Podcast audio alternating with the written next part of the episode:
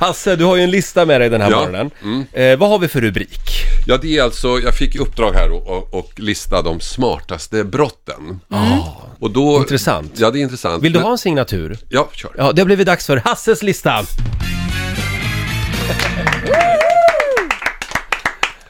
Men då innan vi börjar så måste vi bara fundera på vad är ett smart brott? Ja. Vad, vad är ett smart brott?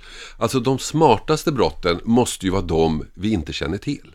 Ja, exakt. Just det. Ja, det var så, Så de jag absolut tänkte. smartaste brotten kan vi inte berätta om. Nej. För de känner vi inte till. Vi Nej. har blivit blåsta och vi tycker att det var okej och vi har inte ens märkt det. Ja.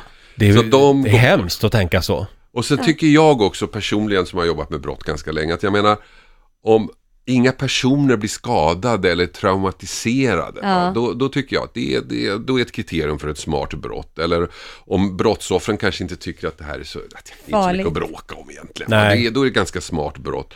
Eller om man till och med lyckas övertyga rättsväsendet om att, att du har inte begått något brott. Det är också ganska smart. Den, är, den tycker jag nästan är den bästa man lyckas så övertyga. att, då, då går ju mycket bort. Va? Till exempel helikopterrånet som alla pratar om. Som till och med finns på Times lista över de tio mest spektakulära kupperna i världen. Oj.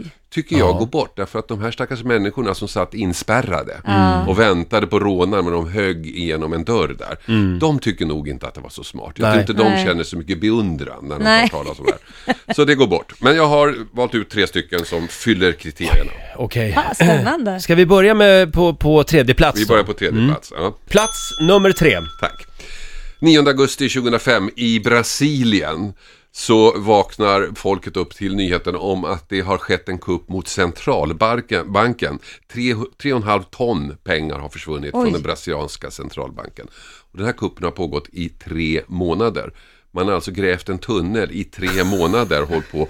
Och en riktigt bra tunnel där man har byggt väggar och grejer som man håller Oj. på med det här. Man har haft tid. Man har haft tid. Och vad man dessutom har gjort som gör att jag ryser nästan lite. Det är att när man gräver en sån här lång tunnel, man får ju väldigt mycket jord. Klart. Vad gör man av den här jorden? Jo, de startade en trädgårdsbutik och sålde jorden. Nej. Jo.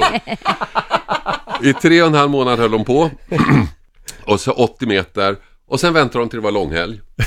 Sen gick de dit, eh, in där, eh, borrades in på sista väggen och så snodde de 515 miljoner kronor. Åh herregud. och försvann därifrån. Oj, oj, oj. Och ingen av dem har åkt dit för det här brottet.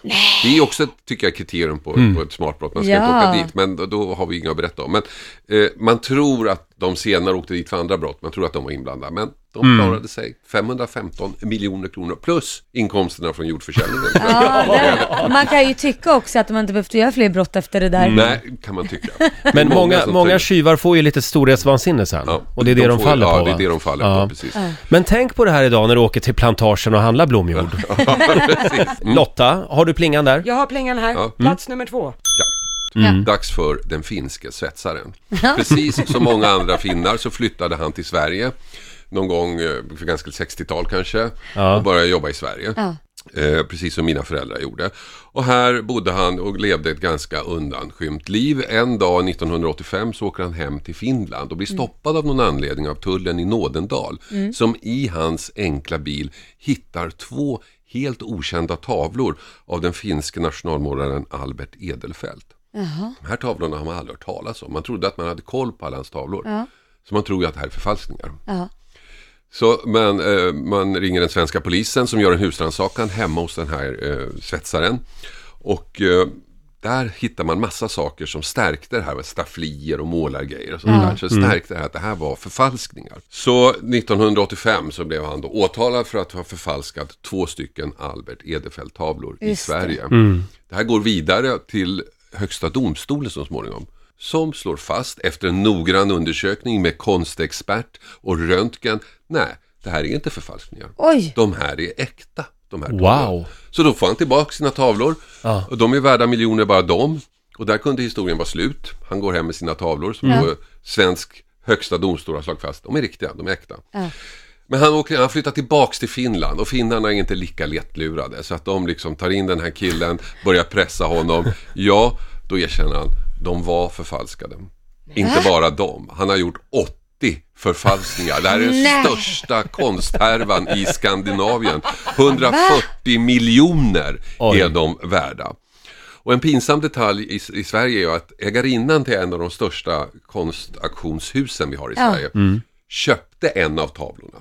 Som var falsk. Så hon köpte av sitt eget bolag en falsk tavla. Som hon sen vägrade lämna ut till finska polisen när de skulle undersöka om det var fake. hon var tvungen att göra det. Så att det här, den här rättegången pågår nu. Det här är de Jaha. största grejerna i Finland just Okej. nu. Men hur kunde Och den inte våra svetsaren- konstexperter se att det här var förfalskat? Ja, och, och fråga nummer två är, om han nu har förfalskat 80 tavlor, kan de då åtala honom för de här två som faktiskt är ju äkta enligt Ja. svenska mått mätt? Ja. Gud vad märklig grej. 140 miljoner. 140 miljoner. Rättsväsendet slog fast, nej, du har inte begått något brott. Det var ju Wow. tur att finska polisen klev in där. Det är inte lite så med finnar. Det är inte lite sådär liksom, Det är något skumt här. Det är något Sluta skumt. snacka skit nu. nu. Ja, sluta snacka skit. Hasse Aro är här och listar de smartaste kupperna eh, Ja. genom tiderna. Och vi har nått första platsen. Precis. Ni kommer ihåg eh, mina kriterier? Ja. Om brottsoffren inte tycker så att det är så mycket att bråka om, är det då så allvarligt? Tänk dig att du sitter på din dator och så får du erbjudande om ett gratis antivirusprogram. Ah, kan du väl ladda ner då? Det är Ja. Du laddar ner det. Och sen så går det här virusprogrammet igenom din dator och säger äh, äh, äh, Sorry, du har ett virus. Aj då.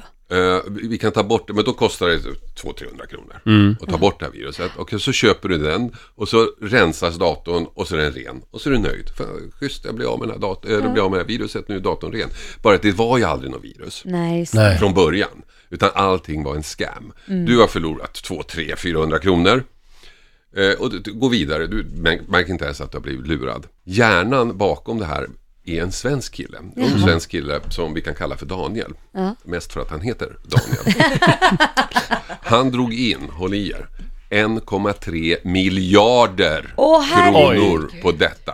Wow. 1,3 miljarder kronor lurade folk över hela världen. Basen hade de, de var ju ett gäng förstås, hade de i USA och det här spreds över hela världen. 1,3 miljarder kronor. Oj. Och folk gick på oj. det här Ja, alltså. folk gick på det. Men, Och det är inte så mycket pengar heller. Nej, några hundralappar, det Ja. kan man väl, om någon lurar dig på några hundralappar, att du Ja, rycker det- på axlarna, ja. går Ja, vidare. Det tycker jag är ett smart brott. Men som alla andra smarta brott så har det ju en hake då, eh, eller de brott som vi pratar om här, nämligen de som upptäckts. Han är ju upptäckt nu då. Ja. Han står på FBI's Most Wanted-lista. Och liksom finnarna så är amerikanerna inte heller så mycket att leka med när det Nej. gäller brott. Han är då misstänkt för eh, 24 åtalspunkter. Varav och en av dem kan ge 20 års fängelse. Oj. Så han riskerar 480 år Jag i skulle tagit de fängelse. där pengar och, pengarna och fängelse. Men han är sprungit. borta. Han Ja, håller sig undan ja. Han håller sig undan ja. Mm.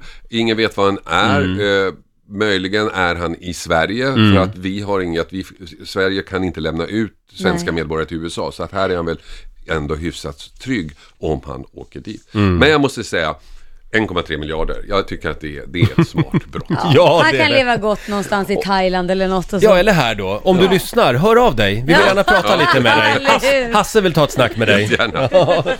Alltså det var en väldigt spännande lista. Det känns lite grann som Jönssonligan. Ja. Alla de här grejerna. Väldigt roligt. Precis. Jag ska, t- jag ska inte säga att man håller på brottslingarna, för det gör man ju inte. Nej det gör man inte, men jag tycker att utifrån de här kriterierna som Mm. jag sa så kan man Ja, ändå det ibland tycker jag. tycka att liksom, det var lite smart. Alltså, Ja. lura folk på ett par 300 spänn och Ingen få tar- ihop 1,3 miljarder. Det är någonstans, Ingen tar någon skada så. någonstans finns det en liten beundran i det. Ja. Verkligen. Nu går vi hem och skissar allihop. Ja. Eh, Hasse, du får en applåd av oss. Tack så mycket.